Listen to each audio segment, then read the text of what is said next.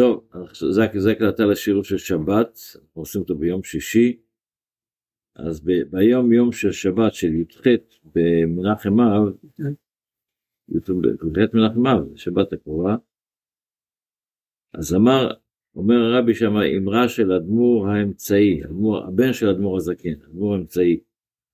אז אדמו"ר האמצעי אמר בשם אבא שלו, אדמו"ר הזקן, שאהבת ישראל הנושא של אהבת ישראל צריך להיות בכזה ממצב עד מיצוי הנפש, עד שזה יכול להיות מצב שאתה מגיע למסירות נפש. האמת היא שהרבי כותב את המכתב הזה, הרבי כותב את זה במכתב, במצב של עלינו היה מצב מאוד לא נעים.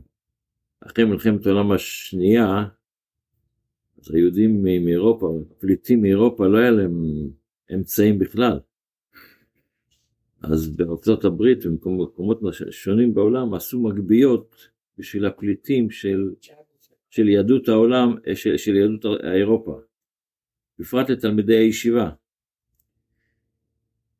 והיו ארגונים שאוספו כסף, אבל לא רצו לתת לחסידים. מי שמכיר קצת את התקופה, היה, הרבה, היה לצערנו הרבה שנאת חינם. אז הרבי כותב לחסידים שלו, גם במציאות שאתם תצטרכו לסבול ולא יהיה לכם מה לאכול, אל תעבדו באהבת ישראל, אל תשנאו את אותם יהודים שלא רוצים לעזור לך. זה, זה הרעיון של מה שהרבי כותב פה היום, כמובן באריכות יותר. בספר המצוות לומדים בשבת את המצווה של שבועה, שבן אדם אסור לו להישבע. בשבועה יש כמה דרגות של שבועה, יש שבועה שנקרא שבועת הביטוי, ויש שבועה שנקרא שבועת שווא. למשל, יש הבדל אם בן אדם נשבע,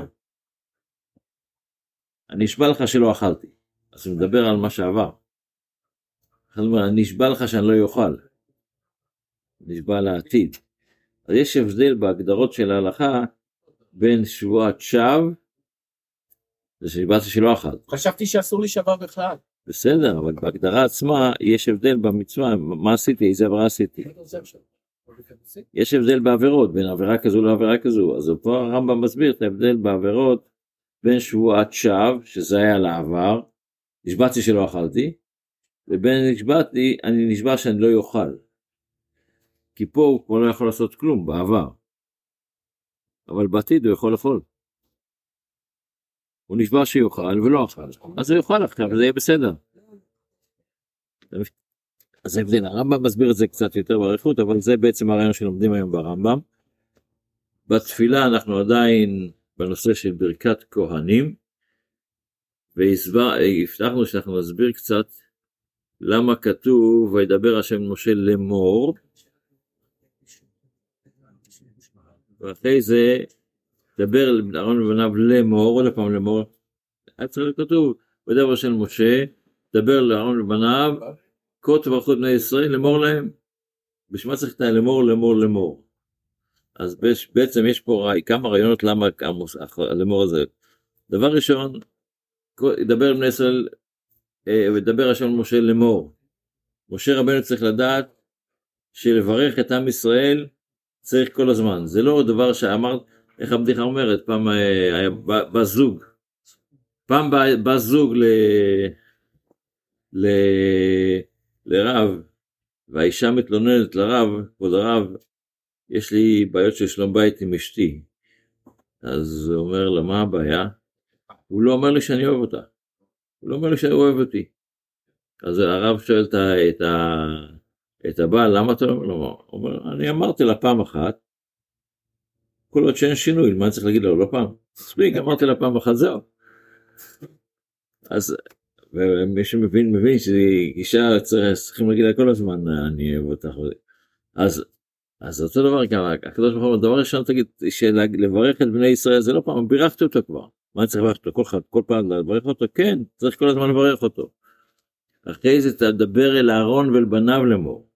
עכשיו, אהרון ובניו במיוחד שלהם הוא שיש להם אהבת ישראל. אנחנו רואים שהלכו כבר, הם יוכיחו שהם אוהבים את עם ישראל, מוכנים לעבוד בשביל עם ישראל, בפרט בתקופת אברהם, אה, אהרון ובניו, שהיו סך הכל שלושה כהנים על 600, לשרת 600 אלף איש. זה עבודה קשה, זה עבודה מצאת החמה צאת הנשמה. אין אה, פועלים בשפע. רק שלושה כהנים במדבר שהיו צריכים לשרת את כל עם ישראל. הלכו אהבת ישראל, הלכו על מסירות נפש, לעזור לכל. אז אפילו להם תגיד, גם אתם, ודווקא אתם, שמוכיחים את אהבת ישראל, אתם כה תברכו את בני ישראל, ואיך תברכו אותם? בכה, מה זה כה?